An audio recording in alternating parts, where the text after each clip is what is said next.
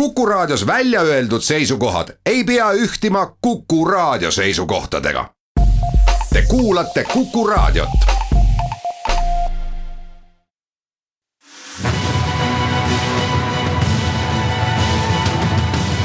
kaks ühes tere, kallid sõbrad, kaks ühes läheb jälle eetrisse, sest on teisipäev ja igal teisipäeval kella ühest kaheni see saade Kuku raadio eetris on, minu nimi on Vilja Kiisler.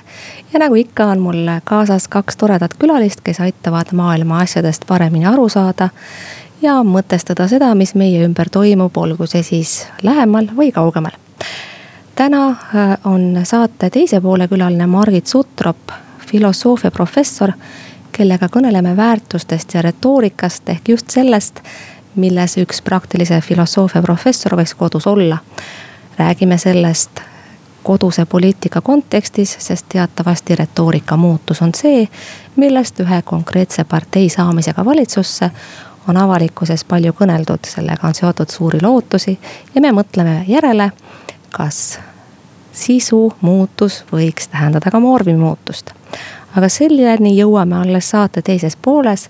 kohe praegu teeme juttu Margus Partsiga, Postimehe ajakirjanikuga sellest, mis mees õieti on Julian Assange, Wikileaksi asutaja, tere Margus. tere päevast sellest on nüüd natukene möödas, see oli juba üle-eelmisel nädalal, kui Londoni kesklinnas nähti siis pilti, kuidas üks habetunud mees Ecuadori saatkonnast välja tuuakse ja vahistatakse, see ei olnud küll enam kaugeltki see Assange, keda me mäletame Wikileaksi algusaegadest.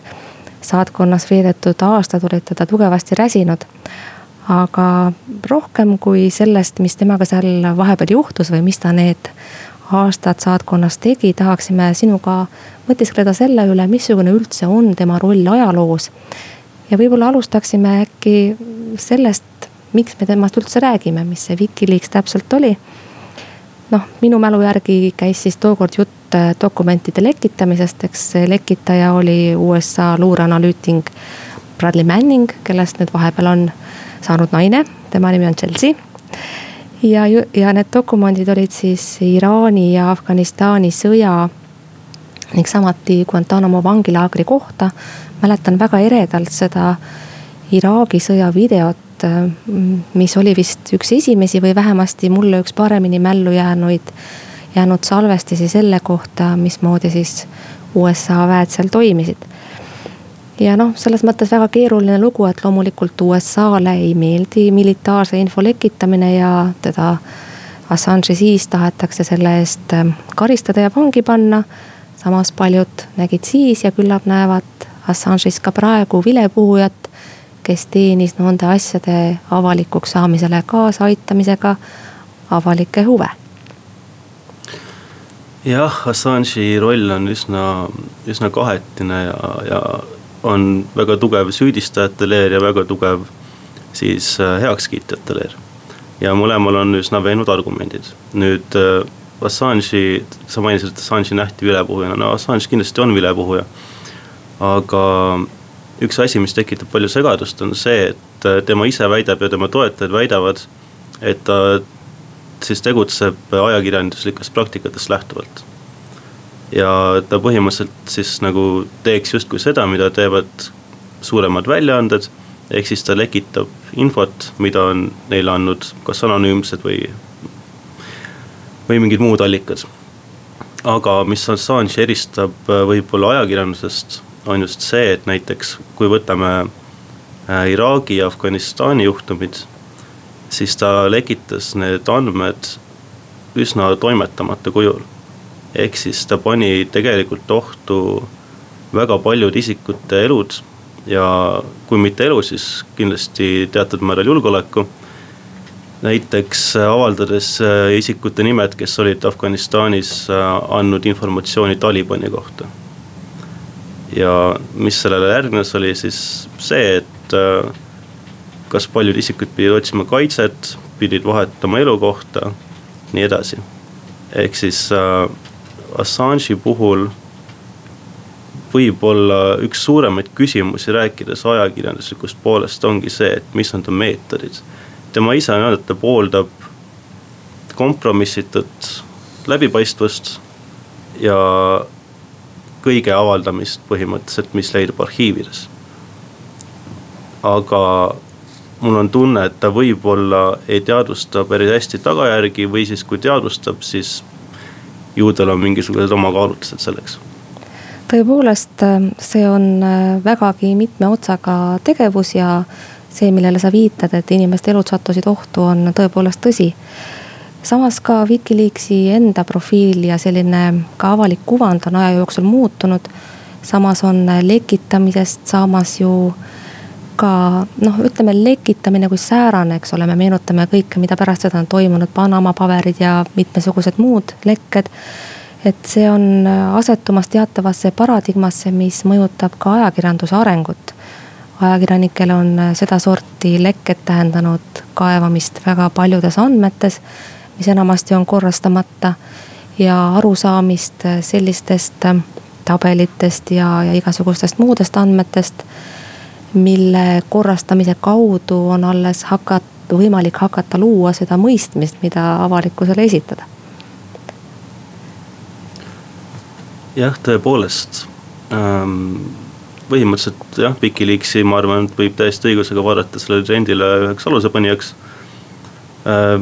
Siiamaani see platvorm tegutseb ja kui rääkida nüüd sellest äh, ajakirjandusliku kattuvuse poolest, siis äh, teatavasti Assange'ile ei esitatud süüdistust äh, lekitamises USA-s vaid talle esitati süüdistus siis vandenõus tungida USA valitsuse, valitsuse arvutisse. Ja see on väga suur ja väga põhimõtteline erinevus, sellepärast et kui süüdistada Assange'i lekitamises, siis teoreetiliselt ju võiks sarnaseid süüdistusi esitada ka väljaannetele. ja see tooks kaasa väga-väga mahuka ja väga keerulise debati ajakirjandusvabadusele. ja tegelikult üsna teadlikult otsustati seda siis USA-s vältida. sellepärast, et äh, noh, selle tagajärjed on üsna ettearvamatud. tõepoolest, Assange'i ootab äh, mitu süüdistust ja tegelikult vahistati ta ju üldsegi vist kautsjoni tingimuste rikkumise tõttu. välja antakse, nagu ma olen lugenud, võib-olla ta koguni ka Rootsile, kus teda samuti võib kriminaalsüüdistus oodata. aga räägime Assange'ist, Wikileaksist ja kogu sellest fenomenist pärast seda, kui oleme ära kuulanud kaubanduslikud teadaanded, mida see formaat samuti ette näeb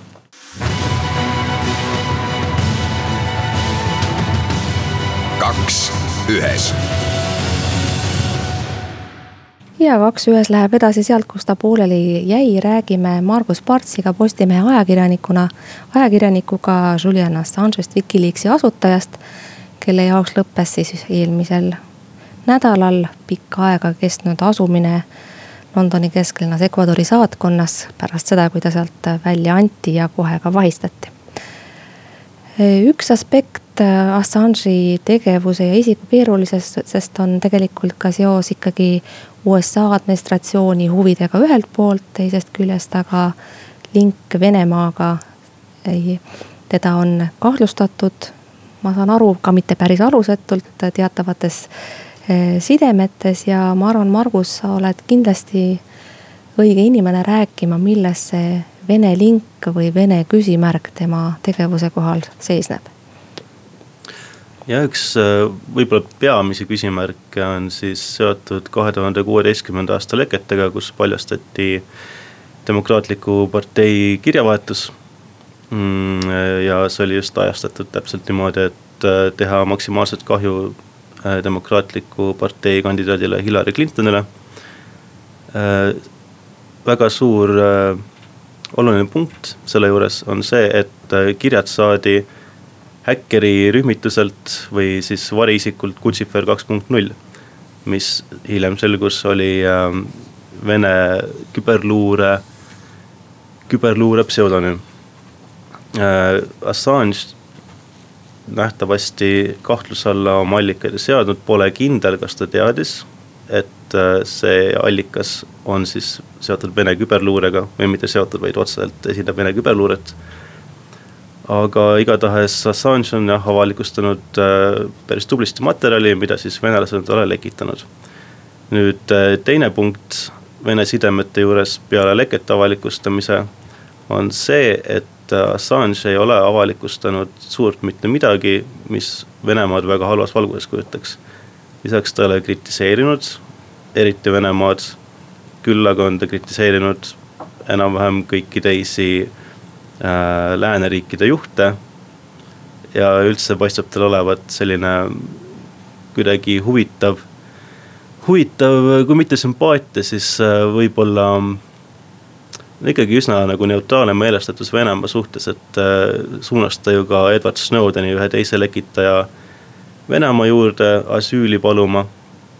või siis kiitis selle sammu heaks ja, ja on ka Venemaa Assange'i osas üsna positiivseid sõnumeid väljastanud sealtkaudu me jõuame tegelikult ka USA presidendivalimisteni ehk siis Trumpi saamiseni USA presidendiks. Trump ise muide on päris vastakaid sõnumeid äh, Assange'i kohta edastanud, kord on ta öelnud, et ta ei tea, kes see Assange säärane üldse on ja siis jälle öelnud, et ta armastab Wikileaksi. See on siis selline Trumpile omane stiil.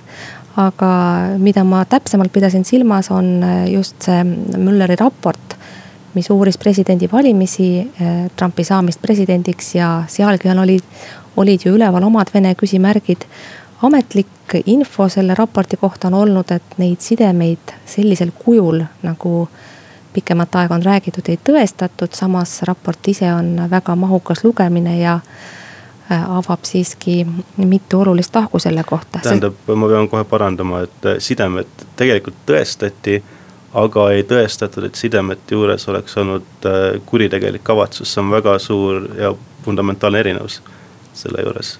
ja mis puutub siis Wikileaks, Assange'i ja siis Trumpi kampaaniat siis on teada, et äh, Wikileaks oli kirjavahetuses kahe tuhande kuueteistkümnendal aastal kuni kahe tuhande seitsmenda, seitsmeteistkümnenda aasta alguseni erinevate Trumpi kampaania liikmetega, muuhulgas ka Donald Trump Junioriga, kellele siis äh, saadeti erinevaid linke leketele ja paluti väga huvitavaid äh, teeneid, nii-öelda näiteks äh, palus äh, Assange või noh, eeldame, et see oli Assange, oli saadetud siis tegelikult äh, Donald Trumpile, Trump Juniorile kiri siis äh, Wikileaksi kasutajalt. aga näiteks tehti ettepanek, et, et võiks avalda, avalikustada Donald Trumpi maksupaberid.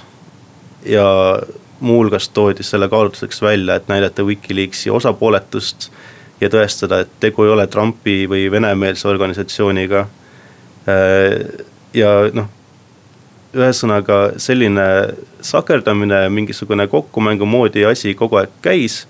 aga Mülleri raport siis äh, lihtsalt, seal oli kirjas, et äh, leiti küll jälgi jah, aga me ei suuda tõestada, et tegu oli kuritegeliku kavatsusega. küll aga Mülleri raportis toodi välja, et Trumpi kampaaniameeskond sai otsest kasu Venemaa tegevusest sa sõnastasid selle väga täpselt, palju täpsemini, kui ma oleksin osanud. võib-olla selle teema lõpetuseks ka mõni sõna sellest, miks Assange ikkagi lõpuks sealt saatkonnast, Ecuadori saatkonnast välja visati. ja ka selle kohta, mismoodi mõjus selline peale sunnitud viibimine siseruumides nii pikkade aastate jooksul talle kui isiksusele. kuuldavasti üks põhjus, miks miks saatkond soovis temast vabaneda, oli tema, see oli päris hea eufemism, ebakohane hügieenikäitumine või. ja siis ka rohked külalised, kes, kes tegid lärmi ja ei allunud nagu Assange isegi sisekorra reeglitele. väidetavalt käinud tal seal külalisi palju ja inimlikult on ka mõistetav, et inimene, kes nii kaua on olnud sunnitud eraldatuses. kindlasti kannatab ka teatava sellise eraldatuse all ja üksinduse all, mis iseloomu kindlasti ka mõjutab. tõepoolest, need kaadrid temast tõendavad, et ta on nüüd üks teine mees. jah, ja Assange äh, mitte ainult ei seganud Ecuadori saatkonna tegevust, vaid tegelikult teda siis süüdistati ka Ecuadori siseasjadesse sekkumises ja igasuguste heakorra reeglite rikkumises. Äh, üks väga suur äh, veelahe muidugi Assange'i saatuse juures oli see, et äh, ta sai asüüli kahe tuhande kaheteistkümnendal aastal president Rafael Correralt. kuid äh, aastal kaks tuhat seitseteist valiti Ecuadoril uus president Lenin Moreno, kes siis Assange'iga üsna kiiresti pauksisse sattus ja põhjuseks olevat olnud see, et Assange jätkas tegelikult äh, president Correra äh, siis Correra abidega või, või kaastöölistega koostööd. ja just nimelt äh, Morena jalgealuse õõnestamiseks, see on kõik nüüd väidetav informatsioon. seda tuleb siis edasiste juuruste käigus kinnitada või ümber lükata aga vähemalt nii on Ecuadori saatkond ennast kommunikeerunud. ja mis puutub nüüd Assange'i edasisse saatusesse, siis on see üsna lahtine, sellepärast et äh, teadaolevalt Assange tiriti siis saatkonnast välja äh, suursaadiku kutsel. olevat tema käitumine siis ületanud teatud punased jooned seal saatkonna sees. Äh, teisel mail ootab Assange'i Westminsteri magistraatkohus kus otsustatakse siis, mis temaga edasi teha, kas rahuldada väljaandmisnõue USA-le. Rootsi ei ole praegu veel äh, väljaandmisnõuet uuendanud, see külmutati kaks aastat tagasi. Ja hetkel on äh, üsna lahtine, et äh, kui näiteks väga suur küsimus on see, et kas USA, kui Assange antakse USA-le välja, kas siis Ühendriigid kavatsevad esitada talle täiendavaid süüdistusi ja kui, siis äh, nad peaksid seda tegema üsna kiiresti, sellepärast et väljaandmisel on teatud protokollid, mida tuleb täita. Ja et see on ikka üsna, üsna keerukas äh, juriidiline protsess praegu, mis hakkab toimuma, sellepärast et äh, Assange on ka varem ju kohtuuksi kulutanud ja asju edasi lükanud ja sellepärast ta ju tegelikult asüüli otsiski esialgu või, või mis oli see ühesõnaga mitte, et ei otsinud sellepärast ta süüli, vaid et mis, mis, millest ta siis nagu juriidiliselt, sisuliselt ju põgenes, oli üks asi see, et ta ei ilmunud lihtsalt kohtusse. Ja praegu on tal tegelikult täiesti reaalne võimalus, et äh, lükata, lükata neid kohtuasju edasi, pidevalt vaidlustada lahendeid ja tõenäoliselt, pigem tõenäoline on see, et äh, lahendi leidmine võtab mitu aastat kui väga lühidalt kokku võtta ühe lausega siis eh, kuidas sina iseloomustaksid Assange'i ajaloolist rolli nii palju, kui me sellest praegu teame? Kelm, märter. jah, kelm ja märter, need on mõlemad sellised üsna, üsna, üsna tabavad eh, ja väga äärmuslikud äh, iseloomustused, ma arvan, et Assange on selline. ta on teatud äh, etalon inimeste jaoks ja ta on teatud äh, ta lõi mingisuguse, mingisuguse niši ja mingisuguse kuvandi mida siis äh, võib-olla oli teatud hetkel vaja. Aga tema pärand ja tema isiksus muudab äh, tema pärandi nii vastuoluliseks. et mingisugust selget hinnangut Assange'i tegevusele on üsna keeruline anda tõepoolest ka mina ei söandaks valida tingimata üht neist välja öeldud sõnadest, vaid asi ise, inimene ise on märksa keerulisem kui ühe sõnaga iseloomustada saaks. suur tänu, Margus, sulle stuudiosse tulemast. Assange on huvitav teema ja ma kujutan ette, et temast kirjutatakse palju raamatuid. saate teises pooles kohtume Margit Sutropiga, et rääkida retoorikat, retoorikast, sõnadest ja tegudest Eesti poliitika taustal.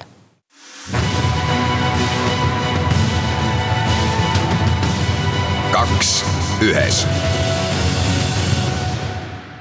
kallid sõbrad, Kuku raadio on jälle eetris ja saade Kaks ühes läheb edasi, aga nagu ikka, on pärast pooleseidu uudiseid saatekülaline vahetunud.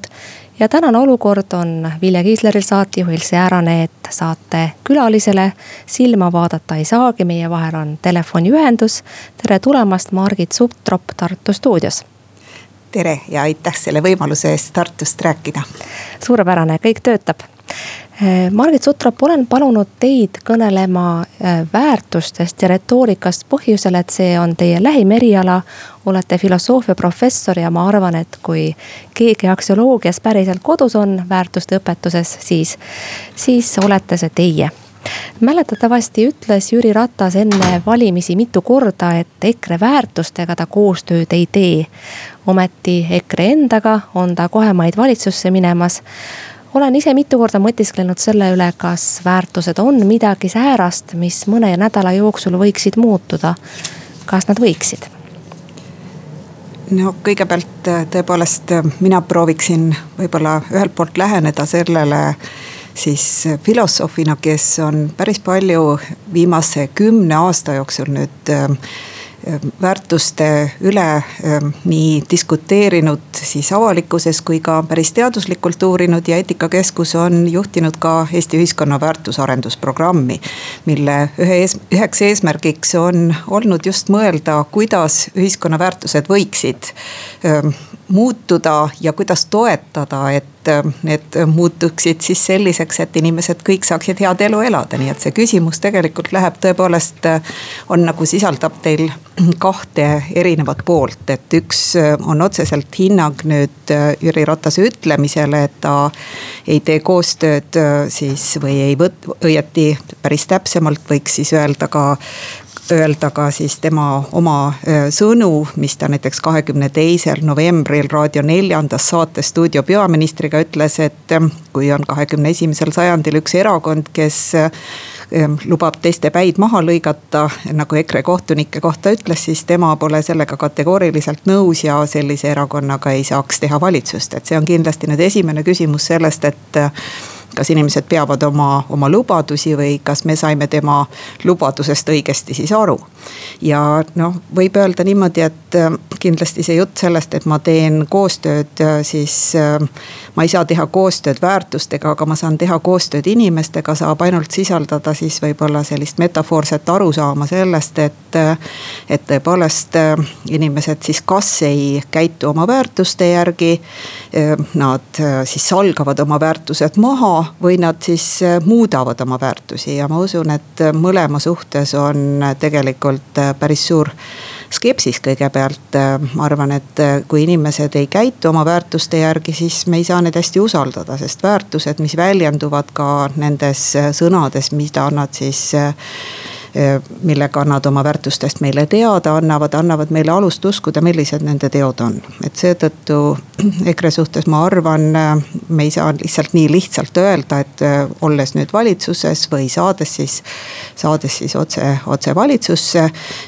Nad kuidagi oma väärtuste järgi enam ei toimiks, siis me, me ei suudaks siis nagu üldse arvata, mille järgi nad siis toimivad, et see on iseenesest juba kahtlane ja teine on see, et kas inimesed saavad nii kiiresti oma väärtusi muuta nii kiiresti kiiresti seda kindlasti teha ei saa. nii et selles mõttes see teeb murelikuks, ma arvan samas mu meelest on äh, kuidagi iseenesest arusaadav ja ma kujutan ette, et äh, et ka ütleme, sellises väärtusõpetuses aktsepteeritav, et väärtuste üks põhiolemus, äh, olemusse kuuluv omadus ongi püsivus.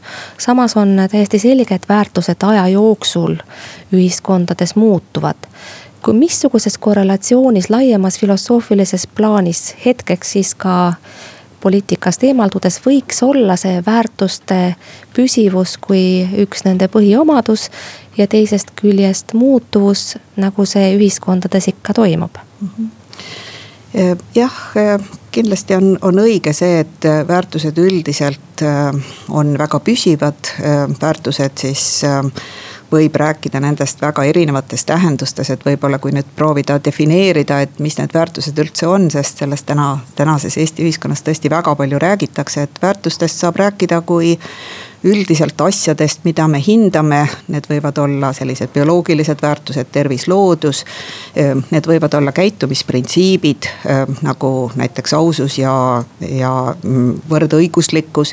aga need võivad olla ka siis sellised tegelikult ütleme, sellised iseloomuomadused nagu, nagu ausus, hoolivus.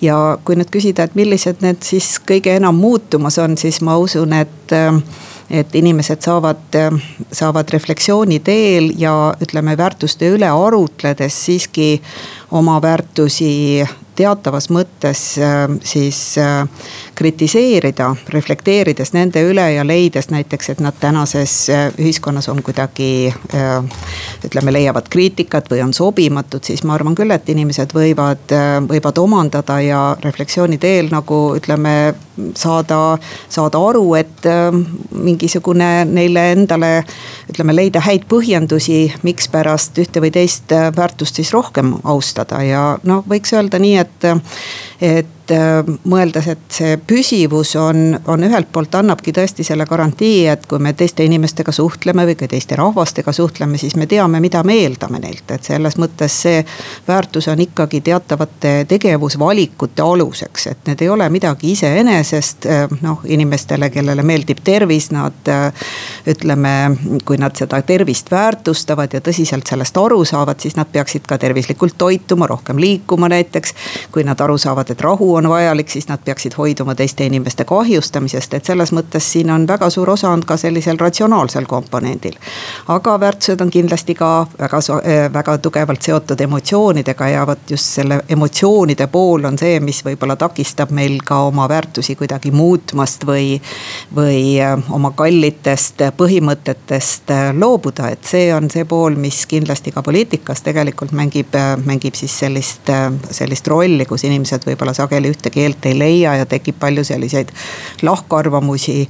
Ehm, olgu siis äh, erinevaid konflikte siis äh, näiteks ütleme perekonnamudelite suhtes või suhtumistes teistesse rahvastesse või, või kartus näiteks sisserändajate suhtes, et seal on sageli väga emotsioon, emotsionaalselt laetud väärtused.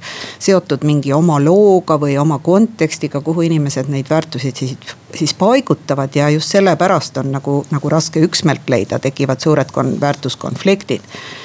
Äh, aga võib-olla oleks ka päris äh, niisugune nagu mõistlik mõelda sellele, kuidas need väärtused muutuvad, võtta hoopiski selline kirjanduslik selline mm, võib-olla kontekst ja, ja mõelda näiteks Tammsaare Tõe ja õiguse peale, mida täna nii paljud eestlased on näinud, et kui me küsime seda, et kas ühiskonna väärtused võivad muutuda, siis piisab sellest, ma arvan, et me mõtleme tõe ja õiguse peale ja saame aru, kui palju siiski on Eesti ühiskond muutunud üheksateistkümnenda sajandi lõpust alates. ja nüüd võibki öelda, et mis siis nii täpselt muutunud on, et mida ma selle all silmas pean, et ma arvan, et piisab näiteks ütleme mõelda selle peale, kuidas ütleme, mis on täna aktsepteeritav siis laiemalt äh, laiemalt siis Eesti ühiskonnas. Võikski näiteks olla suhtumine loomadesse või suhtumine naistesse ja äh, need on võib-olla mõned sellised nagu murekohad, mis äh, natukene tänasesse poliitilisse konteksti pannes võiks meid korraks mõtlema panna, et kui me mõtleme näiteks, kuidas Andres kohtles koera, äh, kuidas ta äh, talle kallale läks, siis äh, jah, täna on ka Eesti ühiskonnas inimesi, kes kasse surnuks kägistavad, aga meie suht suhtumine sellesse on kindlasti põlgus või viha, kui inimene niimoodi toimib. ja need on ikkagi üksikud inimesed, kes veel niimoodi toimivad ja kui Andres peksab naist, eh, Mari selle eest, et ta ikka igatseb oma jussi taga.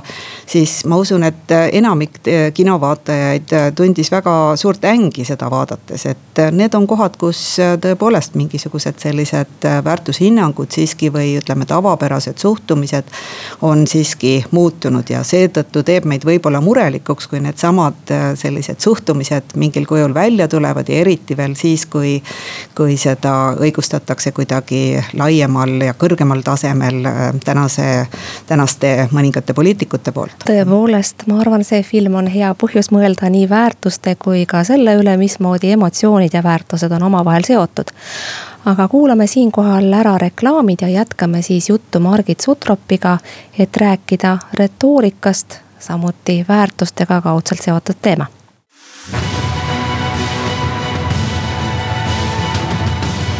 kaks ühes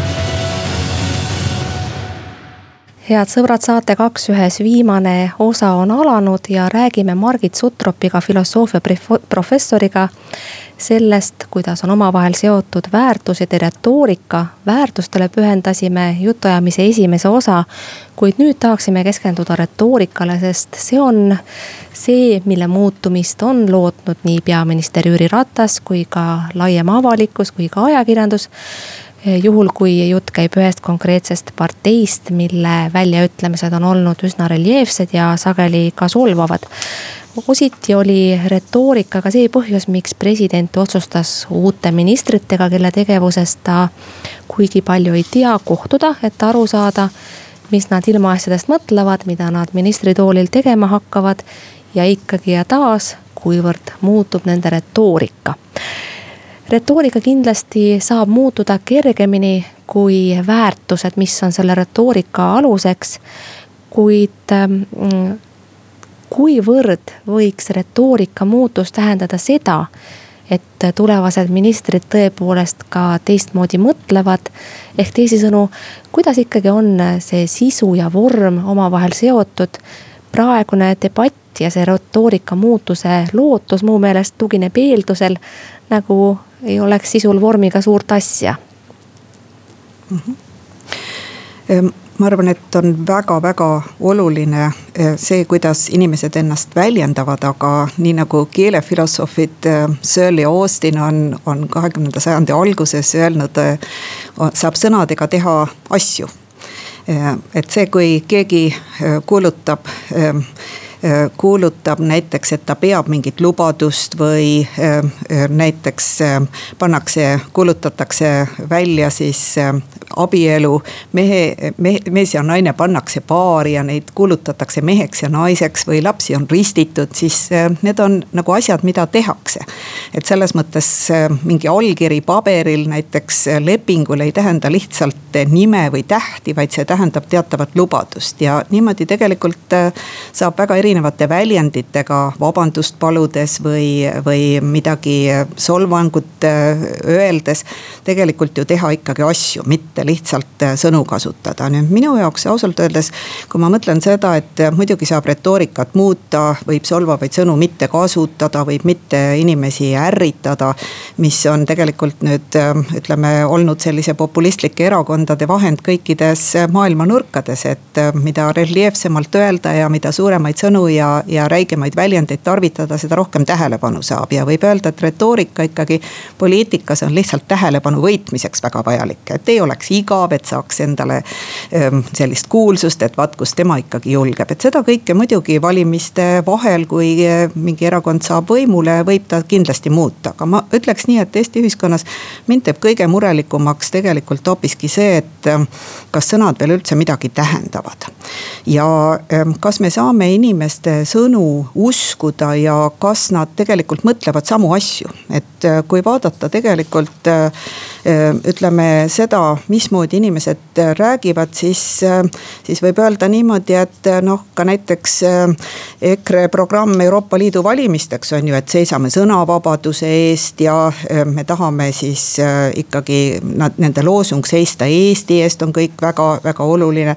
aga samamoodi me võime võtta peaministri kõne ja ja peaministri kõne siis, äh, siis peaministrikandidaadi kõne siis riigikogus tegelikult rääkis väga paljudest ilusatest sõnadest ja et me seisame sidusa, tugeva, kaasava riigi eest ja, ja, ja kui see kõik oleks nii, nagu need sõnad ütlevad, siis ei oleks meil ju põhjust muretsemiseks ja me võime pigem küsida seda, et miks nii paljud inimesed Eestis muretsevad. see ei ole ju mitte nende poliitiliste niisuguste parteide toetajate mure ainult, kes võimule ei saanud, et see on tegelikult selline ühiskonna laiem mure selles osas, et kas inimesed tegelikult teevad seda, mida nad ütlevad.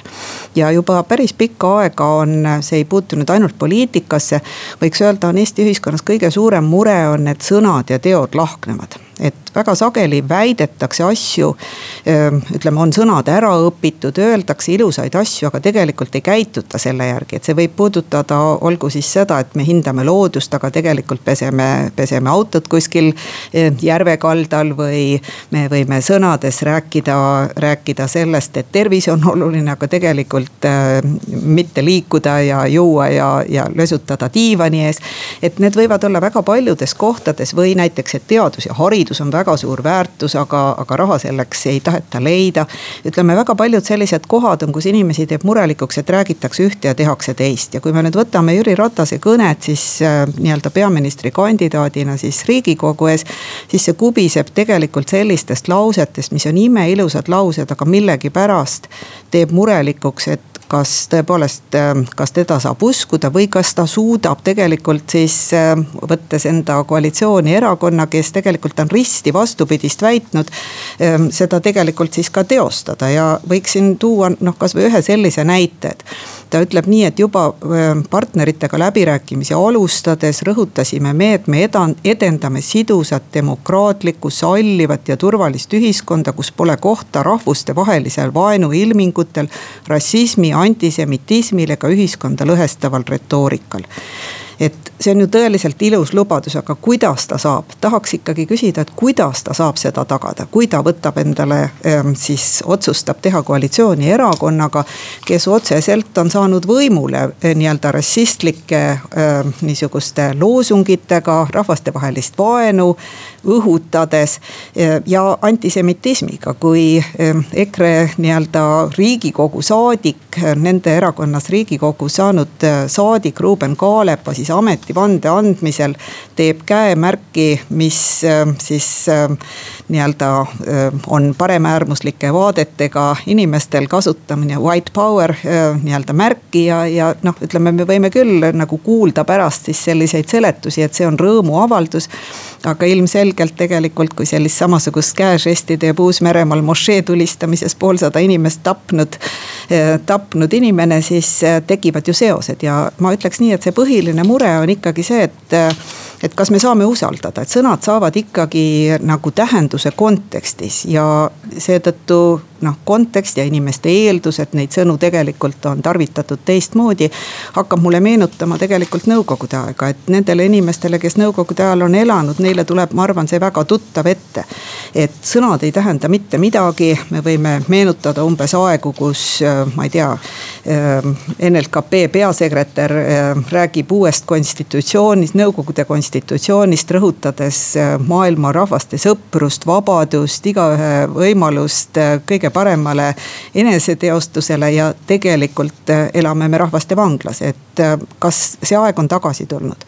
ja kas see tekitab sellise hirmuõhkkonna ja, ja nagu usu, et rääkida võib kõike, aga me tegelikult ei tea, mida me valitsevatelt äh, isikutelt ja parteidelt siis tegudes ootame. keda hakatakse represseerima, kuidasmoodi karistatakse, et see aeg nagu oleks tagasi tulnud ja ometi oleme me nii palju selle eest võidelnud, et needsamad Eesti Vabariigi põhiseadused põhiseaduslikud väärtused tegelikult oleks meie riigikorralduse aluseks ja inimesed selle järgi tõesti ka toimiksid ja saaksid eeldada, et poliitikud nendest kinni peavad. Margit Sutrop, ma näen, et teilgi on küsimusi rohkem kui vastuseid ja ma arvan, see on ka filosoofile täiesti kohane seisund. küsida on võib-olla mõnes olukorras õigem ja viljakam, kui anda vastuseid, mis ei ole veel täpselt vormunud ja mis käivad osaliselt ka sündmuste kohta, mis on alles ees, valitsus pole veel ametisse astunud. Pole saanud veel hakata oma koalitsioonilepingut ellu viima olen täiesti nõus selle märkusega, et sõnade tähendus on teataval viisil devalveerunud ja sageli olen minagi segaduses, kui eh, ühed inimesed kasutavad sõnu ühes ja teised teises tähenduses. teineteise mõistmisele kaasa see ei aita. saade Kaks ühes on aga tänaseks otsa saanud. Margit Sutrop suur,, suur-suur tänu tulemast Tartu stuudiosse ja meiega juttu ajamast. head sõbrad, kui te ei kuulnud saate esimest poolt, kus me arutlesime ajakirjanik Margus Partsiga Julian Assange'i fenomeni ja tema ajaloolise rolli üle siis olge nii armsad, minge Kuku raadio arhiivi ja kuulake saadet algusest peale. Vilja Kiisler tänab kuulamast, järgmine saade on eetris nädala pärast, kuulmiseni, nägemiseni.